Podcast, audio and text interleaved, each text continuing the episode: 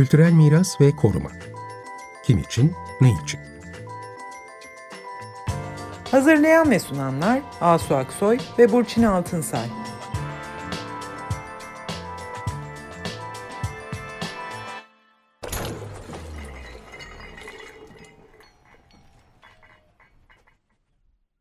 Merhaba, iyi akşamlar. Ben Burçin Altınsay. İyi akşamlar, ben Asu Aksoy. Evet, bugün İyi e, bu akşamlar. Merhaba Pervin Pervin Çelik'le geçen hafta beraberdik ve İstanbul Heybeliada'nın Çam Limanı olarak adlandırılan koyunda yer alan hazineye ait deniz kıyısı parsellerinden birisinin Diyanet İşleri Başkanlığı'na tahsis edildiği ve buradaki plaj işletmecisinin alanı tahliyesinin istendiği haberlerinden hareket ederek Burada bu kıyı parselinin nasıl kullanılabileceği, bunun hangi kanunla düzenlendiği, e, hangi kurallarla düzenlendiğini u- konuşmuştuk. Yani geçen hafta böyle bir Heybeliada odaklı bir program yapmıştık ve e, o, o programda da anladık ki yani bu kıyı kullanım meselesine bizim daha ayrıntılı bakmamız gerekiyor. Dolayısıyla Pervin Çelik'i tekrar çağırdık programımıza ve Evet. e, biraz Kıyı daha tanımı ayrıntılı. nedir, kıyı nedir? Onlarda biraz e, ka- kafa karışıklığı oluştuğu için bunu açmak ve herkesin anlamasını sağlamak istiyoruz, değil mi? Evet, Evet, hoş geldin Pervin tekrar. hoş Çok bulduk. zor Hoş bir geldin. konu. Ee, biz bunu böyle anlamak için bu kıyı kullanım meselesini e, bayağı bir baktık, e, araştırdık. Sürekli yeni yönetmelikler çıkmış, yeni ekler yapılmış falan. Şimdi bu zor konuyu bu e, az zamanda açmaya çalışacağız. Pervin Çelik'i tekrar hızlıca tanıtayım. E, Pervin Çelik avukat. İşte imar planları, e, işte imarla ilgili yapılan düzenlemeler, kanunlar, kararlar, bütün bu konularda e, açılan davalarda yer alan bir avukat, yürüten bir avukat. Aynı zamanda Mimar Sinan Güzel Sanatlar Üniversitesi'nde 10 yıldır imar hukuku dersleri veriyor. Dolayısıyla bu konuştuğumuz konuları da böyle ders verir gibi çok net, güzel e, anlatıyor. Çok teşekkür tekrar katıldığın için. Hoş geldin Pervin Hoş tekrar. bulduk. Hoş. Şimdi geldiniz. kıyılarla ilgili hemen yani aslında anayasamız 1982 anayasasında çok net. İşte diyor ki 40, 43. maddesinde kıyılardan yararlanma maddesinde diyor ki kıyılar devletin hüküm ve tasarrufu altındadır. Yani özel mülke konu olamaz diyor dolayısıyla. Deniz, göl ve akarsu kıyılarıyla deniz ve göllerin kıyılarını çevreleyen sahil şeritlerinden yararlanmada öncelikle kamu yararı gözetilir. Şimdi Evet. aynı şekilde 1990 tarihli kıyı kanunu da aynı şeyi söylüyor ve ek olarak diyor ki kıyıda ve sahil şeridinde planlama ve uygulama yapılabilmesi için kıyı kenar çizgisinin tespiti zorunludur.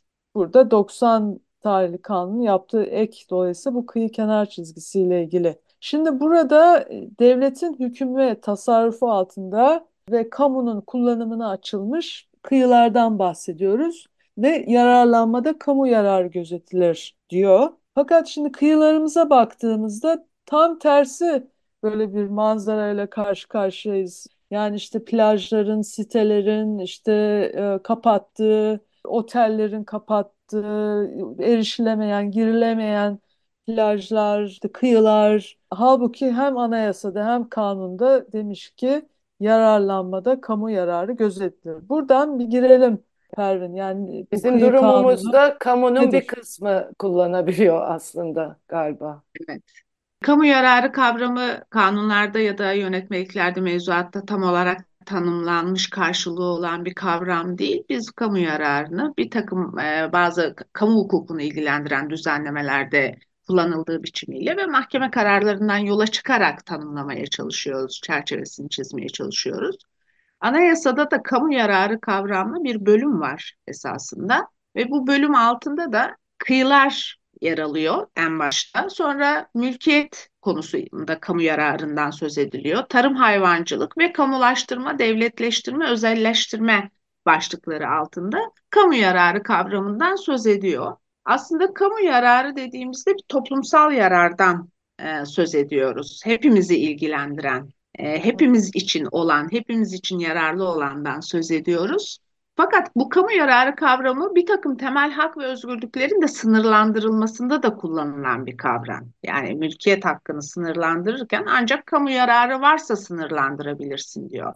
Kamu yararı varsa kamulaştırabilirsin, kamu yararı varsa özelleştirebilirsin gibi. Dolayısıyla kıyılar da herkesin serbestçe, eşitçe yararlanabileceği yerler ve kullanımında da kamu yararını dikkate almalısın derken bunun düzenlemelerini de kanuna bırakıyor anayasa. Sonra dönüyoruz kıyı kanununa Hı ve kıyı kanunundan sonra onun uygulanmasını göstermek üzere düzenlenmiş yönetmeliklere bakıyoruz. Orada kamu yararını kanun ve yönetmelik nasıl e, düzenlemiş, kıyılardan yararlanmayı düzenlerken ne tür kısıtlamalar kamu yararı amacına yönelik, ne tür kısıtlamalar ya da istisnalar koymuş onlara bakmamız gerekiyor. Biz anayasaya baktığımızda bütün kıyı e, şeridinin herkesin serbestçe girip yararlanabileceği yer olarak tanımlıyoruz ama birazdan bak değineceğimiz maddeler bize şunu gösterecek ki bazı yönetmelik değişiklikleri ve düzenlemeleriyle bu yararlanma kısıtlanabiliyor. Bunu Evet. diğer şeyleri, e, yönetmelik kurallarını incelerken göreceğiz zaten. Biz bu 1990 tarihli kıyı kanununu şu anda esas alınıyor Evet.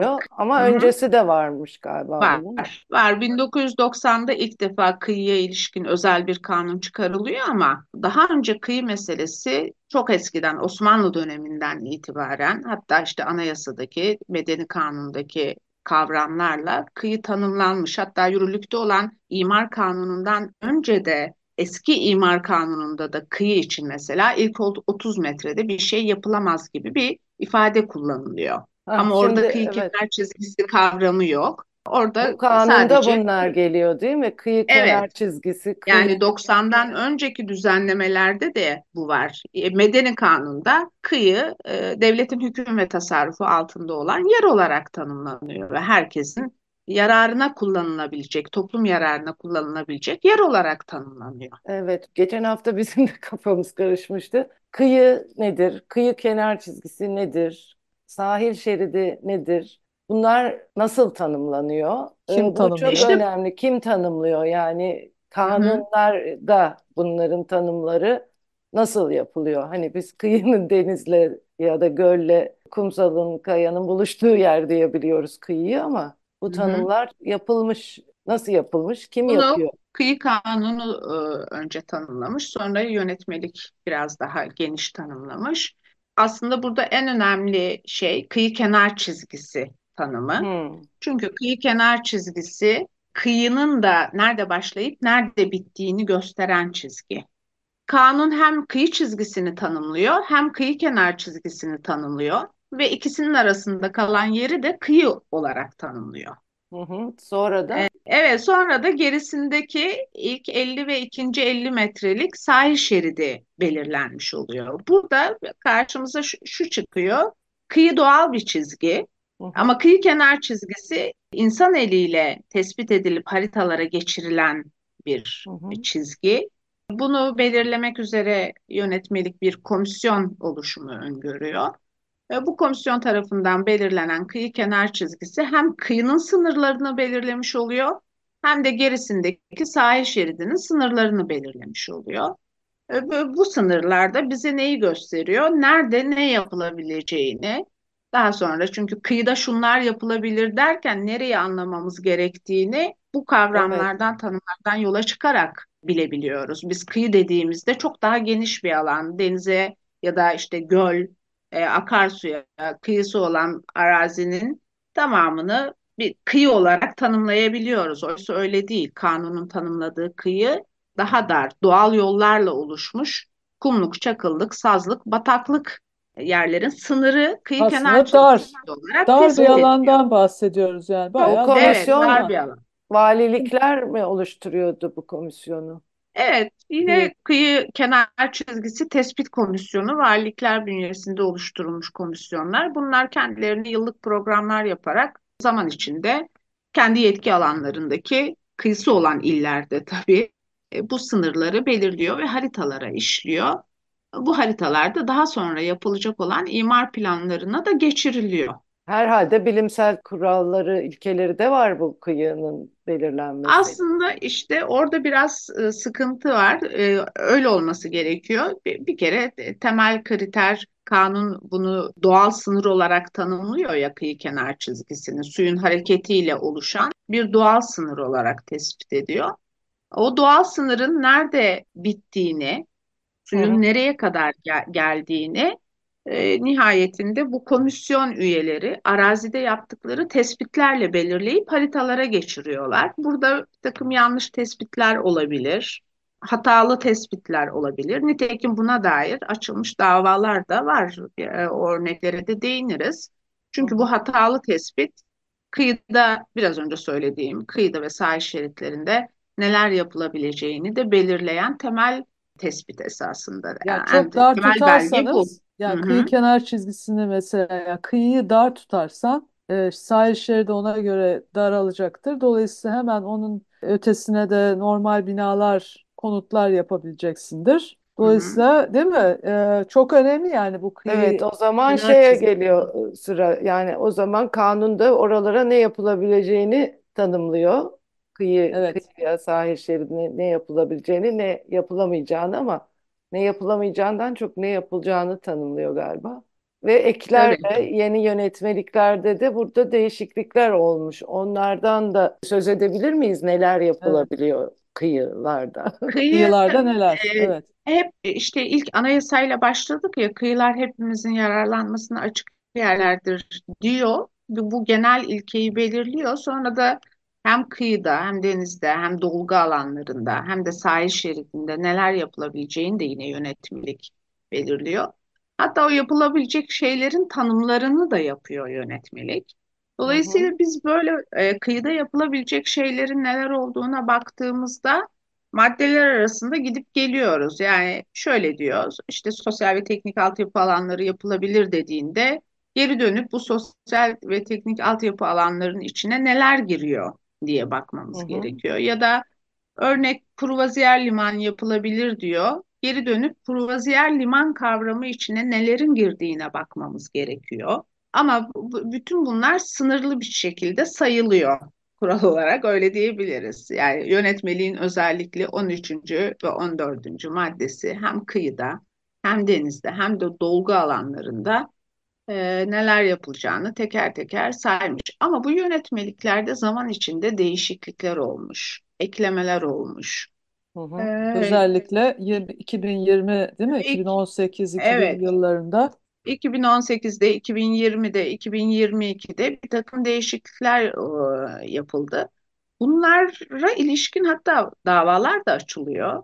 Yönetmelik değişikliklerine ilişkin. Danıştay'ın incelemelerinden geçiyor. Bazen iptal kararları veriliyor. Bazen şöyle şeylerle de karşılaşıyoruz. Mesela kanunda değişiklik yapmadan yönetmeliklerle bunu çerçevesini genişletmeye çalıştığında genellikle Danıştay bunu iptal ediyor kanuna uygun olmadığı için. Ama bu sefer dönüyoruz kanunda da değişiklik yapıldığına tanık oluyoruz.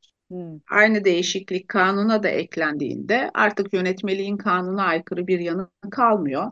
E biliyorsunuz kanunları biz doğrudan dava konusu edemiyor, edemiyoruz yani kanun yasal olarak denetlenmesi başka bir usule tabi.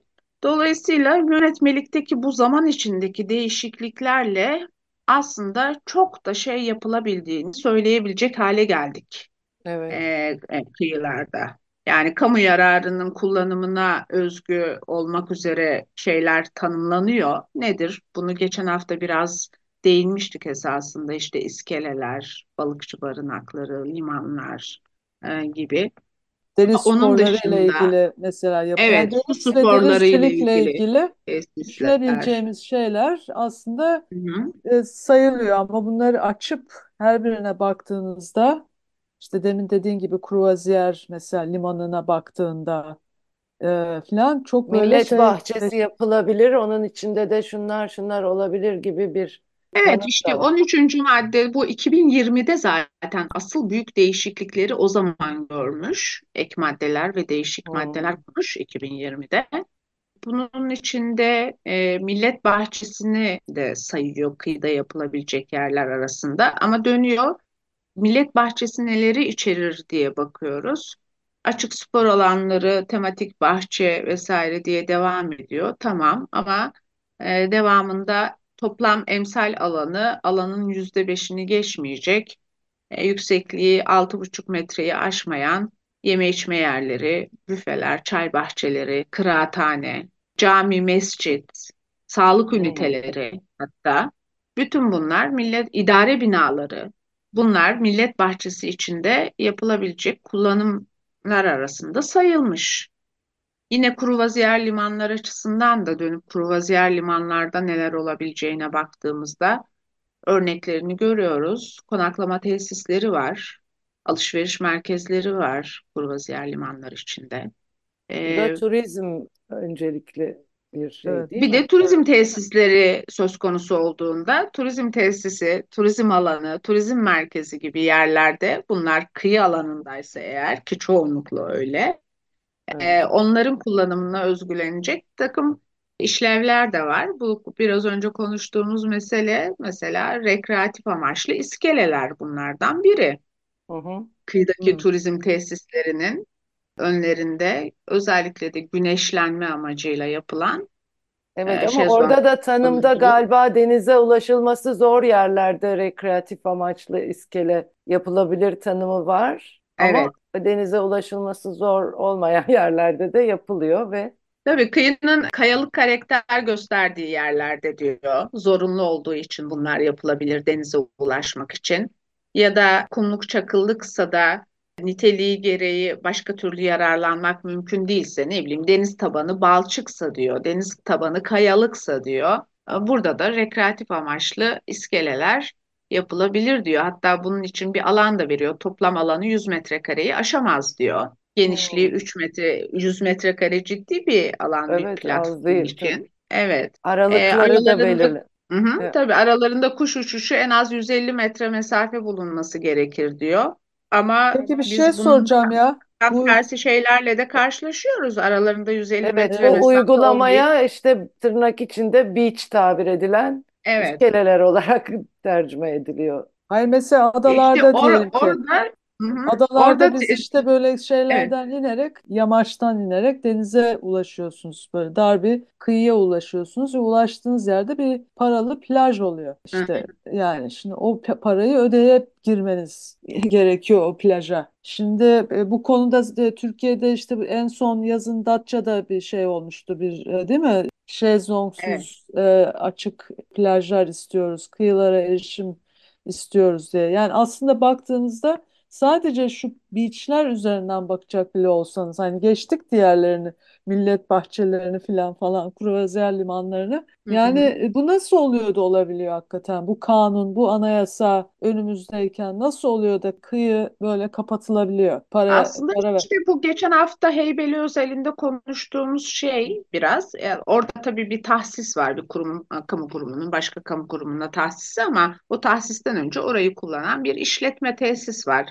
Orada buna değinmiştik. Onlar genellikle işgalci konumunda ve ecrimsil ödeyerek burayı kullanıyorlar demiştik. Bu kullanım hakkını izinle istiyor zaten bu işletmeler. E, buraya şezlonglarını koyuyorlar. İşte güneşlenme şemsiyelerini koyuyorlar, duşlar koyuyorlar, soyunma kabinleri. Kanun esasında kıyıya erişim hiçbir şekilde engellenemez diyor. Bunu açıkça hem kıyı kanunda hem de yönetmeliğinde görüyoruz. Duvar öremezsin diyor, çit yapamazsın, hendek kazamazsın. Kıyıya herkes serbestçe erişebilir. Ama bu işletmeler kendi izinle ya da işgalle her ne şekilde olursa olsun oraya koydukları şezlongları güneşlenme yerlerini falan para karşılığı kullandırıyorlar. Tamam ama oraya girmenize şezlongdan yararlanmadan, soyunma kabininden yararlanmadan oradan denize girmenize engel olamazlar esas Evet. itibariyle. Esas E, itibariyle bu böyle. düzenlemeler bunu bu anlama geliyor. Ama pratikte bunun çok kavgaları, tartışmaları oluyor tabii. Bunu zaman zaman görüyoruz kıyı ilçelerinde, turizm bölgelerinde. Kıyıya erişmek gerçekten imkansız hale gel gelecek şekilde tesislerle kapandığını görüyoruz ya da yazlık sitelerle. Siteler de buna engel Evet olabiliyor Evet. zamanında yapılmış siteler. E, Yapılaşmaya oysa da açılabiliyor ama bu kıyı tanımındaki farklılıklar ya da tanımsızlıklar nedeniyle Ataköy örneğini vermiştiniz. Hmm, Yapılaşmaya evet. da açılıyor değil mi? konut. İşte biraz Evet. önce söylediğimiz kıyı kenar çizgisinin tespiti meselesi yapıların da nerede yapılacağını belirleyeceği için orada Evet. mesela o Ataköy örneğinde sahil e, yolunun deniz tarafında yapılan büyük yüksek siteler oldu. Bunlara karşı oradaki semt derneği dava açtı. Kıyı kenar çizgisinin hatalı tespit edildiğini ileri sürerek bu davayı açtı. Çünkü tam da az önce söylediğimiz şey kıyı kenar çizgisini nereden geçirirsen gerisinde yapılacak yapıyı da ona göre belirliyorsun yerini. Hı hı, tabii. Bu hatalı geçirilmiştir iddiasıyla dava, açılan davada mahkeme kıyı kenar çizgisinin evet hatalı geçirildiğini tespit etti ve iptal etti. Ama bu süreç gerçekleşene kadar e, daha önce hatalı olarak verilmiş kıyı kenar çizgisine göre düzenlenmiş yapı ruhsatına göre orada inşaatlar yapıldı, tamamlandı, kullanılmaya başlandı. Evet. Sadece bu iş bittikten sonra kıyı kenar çizgisinin hatalı tespiti mahkeme tarafından tescil edilmiş oldu ama yargılama da uzun sürdü orada tabii bunun da bir etkisi var. Bunlar neyin nerede yapılacağını belirlemesi açısından özellikle kıyı kenar çizgisinin tespiti en önemli konu diyebiliriz. Anladığımız kadarıyla aslında Türkiye'de bütün kıyı kenar çizgileri belirlenmiş ama şimdi de işte o kıyıda yapılabileceklerin genişletilmesiyle yeniden orada bir yapılaşma yolu açılıyor, değil mi? Şimdi kıyı kenar çizgisi burada hemen şu soru da akla geliyor. Kıyı kenar çizgisi bir kere tespit edildiğinde bir daha değiştirilemez mi? Evet. Ee, evet, biz e, baktığımızda işte Çevre Şehirciliğin sitesinde e, zaman içinde etapları halinde kıyısı olan illerde bu kıyı kenar çizgilerin tespitlerinin tamamlandığına dair şeyler gördük, bilgiler Evet. gördük. Bu valilik bünyesinde belirlenen komisyonlar kendilerine yıllık programlar yapıyorlar ve bu program çerçevesinde bu tespitleri yapıp haritalara işliyorlar. Değiştirmek mümkün mü? Evet ama bunu kısıtlı bir şekilde sayıyor yönetmelik. Kıyı kenar çizgisi suya düşerse mesela yeniden tespit edebilirsin diyor. Bu doğal bir çizgi ya su hareketleriyle Evet. oluşan. İşte bir takım Hmm. jeolojik hareketler de bu kıyı kenar çizgisinin değişmesine neden olabilir. Hatta bunu konuşmuştuk işte İskenderun'da e, ya da İzmit, Gölcük tarafında yaşanan depremlerle bu kıyı kenar çizgisinin yerleri değişebiliyor. Bu Evet. jeolojik hareketler de bu değişikliğe neden olabiliyor.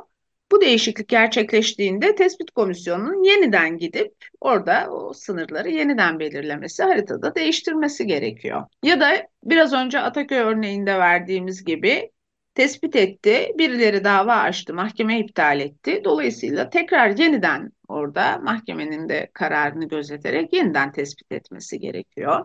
Ama sınırlı şekilde değişiklik yapılabiliyor. Kanunun saydığı koşullar oluştuğunda ancak değiştirilebiliyor. Çünkü kanun Yani zaten kere bunu bir çizilince doğal çizgi artık- olarak. Evet. Evet, bu çok e, çetrefil bir konu.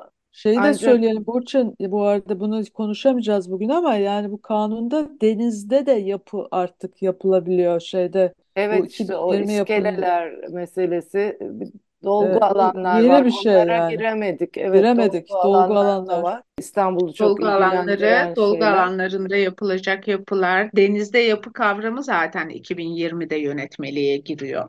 Evet. Evet. Sadece Daha iskele değil. geniş, hı hı, daha geniş bir kavram. Mesela biz onu söz ettik işte balık çiftlikleriyle ilgili kurallarda işte denizdeki e, yapılacak yapılar çerçevesinde değerlendirilebilir. Evet, Daha genişletiyor.